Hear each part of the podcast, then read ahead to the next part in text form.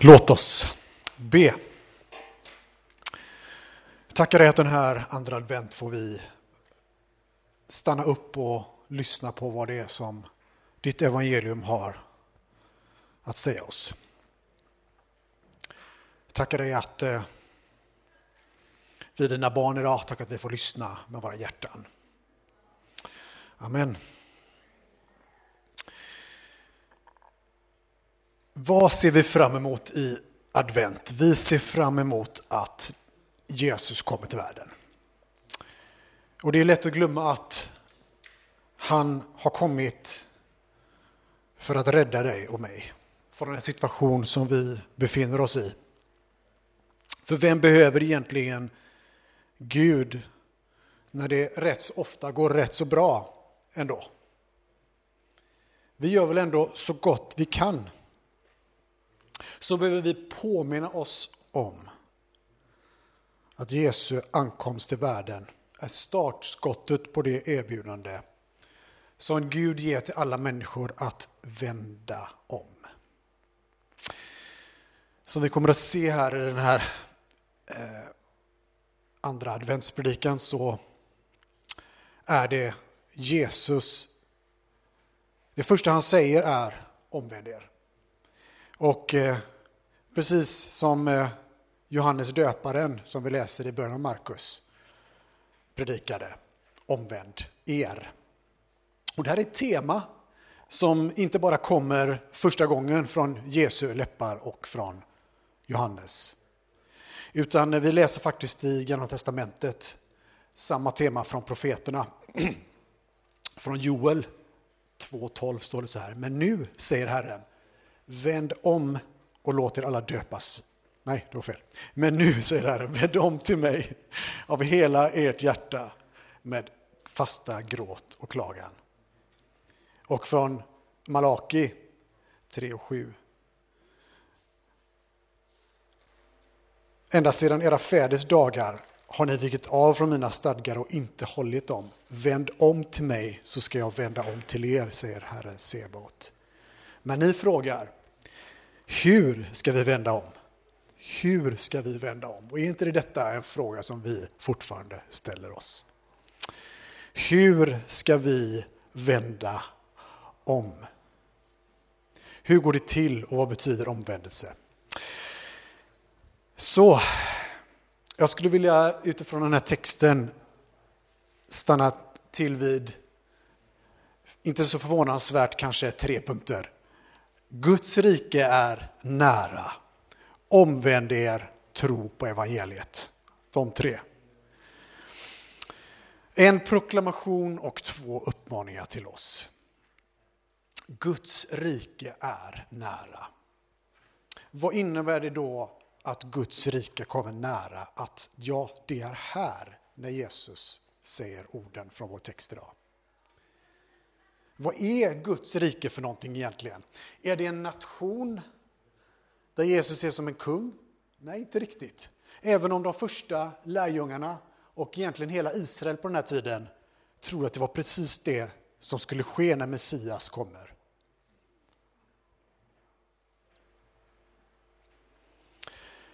Messias skulle kasta ut ockupationsmakten och sätta sig på Davids tron för att regera som en sorts superkung för evigt. Men så är det inte detta som är riket, visar Jesus oss. Han säger, mitt rike är av ett annat slag. Det är mycket mer än en nation.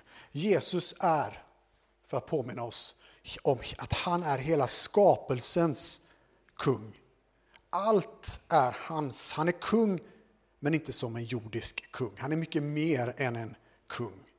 Han är mycket mer än en superkung. Han är alla kungars föredöme med total rättvisa och perfektion. För världen är skapad av honom, att ledas av honom från första början. Det är det här som är Guds rike. En värld där vi levde i harmoni med skapelsen och våra medmänniskor är Eden. Allt var då oss givet i nåd. eller gratia, som gratis. En fri gåva. Men inte bara det. Gud själv, Jave Elohim, var fysisk där. I Eden var det han som var där som kung och det är så som hans rike fungerar. Han är fysiskt kung. Och så lever vi i en mellanperiod kan man säga, där den första riket har, som han, där han var kung har försvunnit ur vår, vårt grepp. Och istället så lever vi i vänteläge tills han ska göra allting så som det var från början igen. Och det är det här som är det kristna hoppet om riket, att kungen ska komma tillbaks och återskapa igen allt så som det var från början. Låter det som sagor eller är det verklighet? Vad säger dig ditt hjärta? Längtar du i ditt inre efter ett sådant land? Och nu, här och nu, så är Guds rike i oss som tror. Så nära som det kan komma genom sin ande. Och i den kristna gemenskapen så blir riket synligt som en stad i staden i församlingen, full av ljus och hopp i en mörk och ibland hopplös värld. Så känner vi till vad som händer i första Mosebok kapitel 3. Om du inte har läst första Mosebok kapitel 3 på ett tag så gör gärna det när du kommer hem. För här ser vi hur det som var riket och kungen på plats försvann ur vårt grepp som jag sa till att hamna i ett fallet tillstånd. Gud sa ju av alla de här träden får ni äta, utom just ett. Och just det var mest intressant.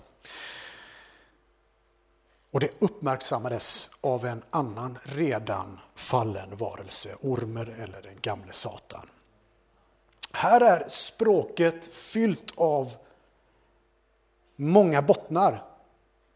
Vi ser så att säga in i den här berättelsen, in i någonting större som inte bara har att göra med där och då. Precis som riket, det första riket, Guds rike där han var kung i Eden, var där borta så ser vi också där borta hur människan faller i synd. Och vi behöver förstå de här två som sanningar. Om vi inte tror att det är sant, då faller hela Jesu offerdöd och uppståndelse.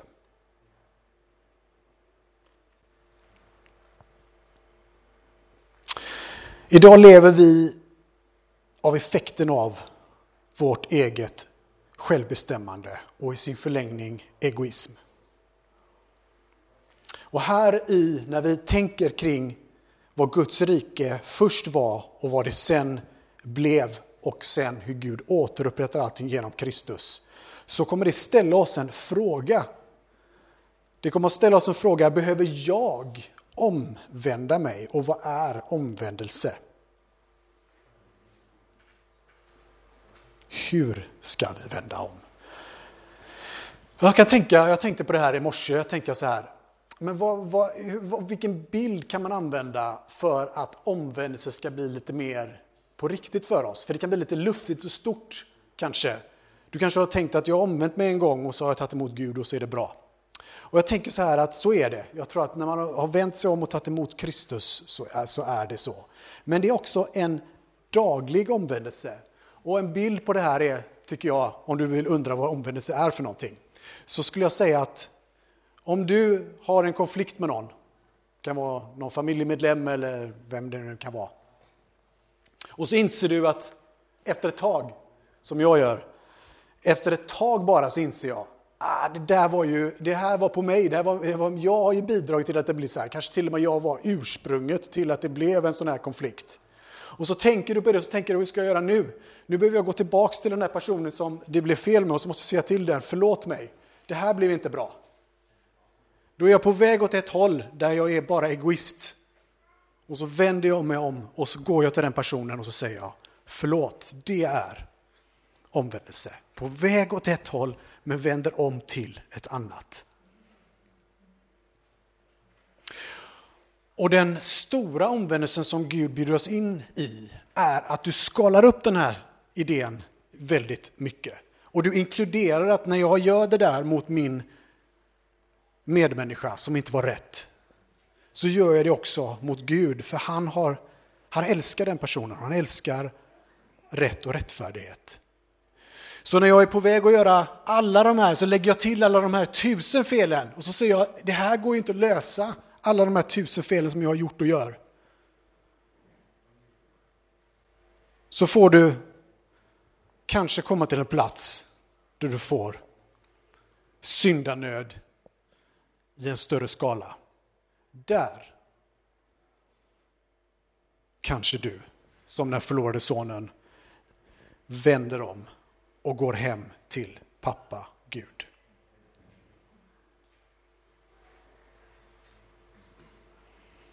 Åt det här hållet är den autonoma människan och den autonoma människan regerar. Den säger jag gör inga fel. Åt det här hållet så finns förlåtelse i omvändelse. Och vi har ju alltid tusen invändningar till det här. När du väl är där så kommer nej men det var nog ändå så att det var, det var nog eh, lite så här, jag behöver nog inte säga förlåt, kanske gör det imorgon. Eller du kanske tänker, ah, men det där var nog eh, inte riktigt, kvalificerar nog inte riktigt. Och så lägger du upp så varenda sak egentligen som, som kommer emot. Så, ah, men det var, jag gjorde så gott jag kunde, vad ska jag göra, ge väl inte upp till mig och fixa allting. Och så har du massa olika, ibland som jag, invändningar till att inte vända dig till Gud eller vända dig till förlåtelse mot din medmänniska. Ingen ska väl säga till mig vad jag ska göra.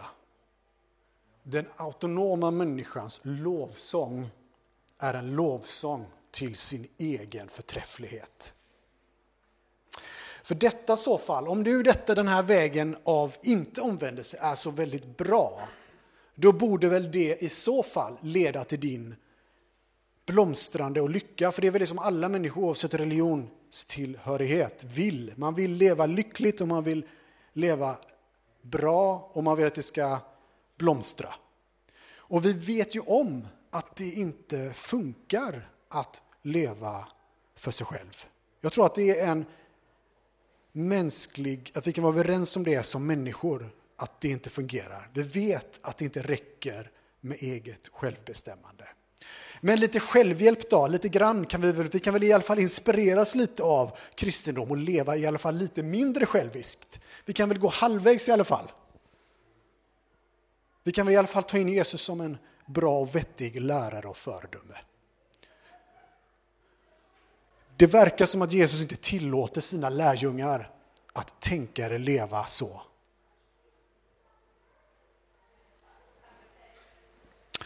En omvändelse är hel omvändning. Det är inte halvt, det är helt omvänd, omvändning. Och det är det här som är den stora inbjudan som Jesus kommer med. Som advent pekar fram emot. Syndanöd, omvändelse och ett liv efterföljd är bara möjliga med Guds ingripande. När vi säger hjälp mig så säger Gud ja, jag hjälper.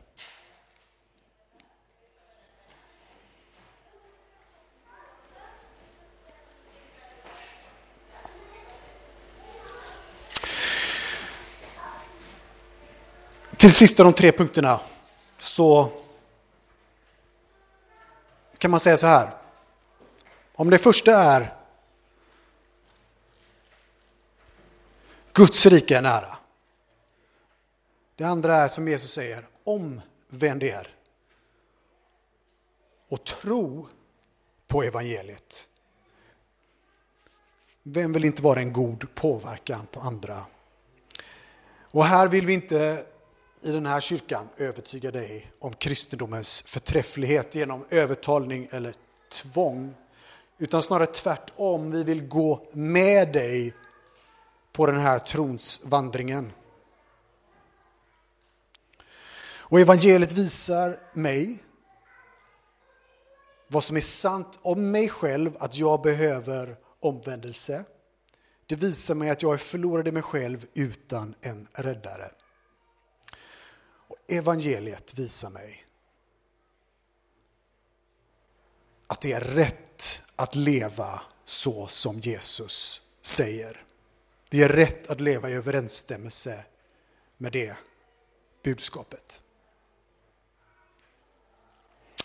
Jag skulle vilja landa i den här fantastiska berättelsen från Lukas andra kapitel. Om Simeon. Det står så här i texten. I Jerusalem, därifrån eh, vers 25. I Jerusalem fanns en man som hette Simeon. Han var rättfärdig och gudfruktig och väntade på Israels tröst. Och den helige Ande var över honom. Och den helige Ande, av den helige Ande hade han fått en uppenbarelse att han inte skulle se döden förrän han hade sett Herrens mode. Ledd av Anden kom han till templet. Och när föräldrarna bar in barnet Jesus för att göra med honom som han brukade enligt lagen tog han honom i sina armar, prisade Gud och sa Herre, nu låter du din tjänare gå hem i frid, så som du har lovat, för mina ögon har sett din frälsning, som du har berett inför alla folk, ett ljus med uppenbarelse för hedningarna och en härlighet för ditt folk Israel.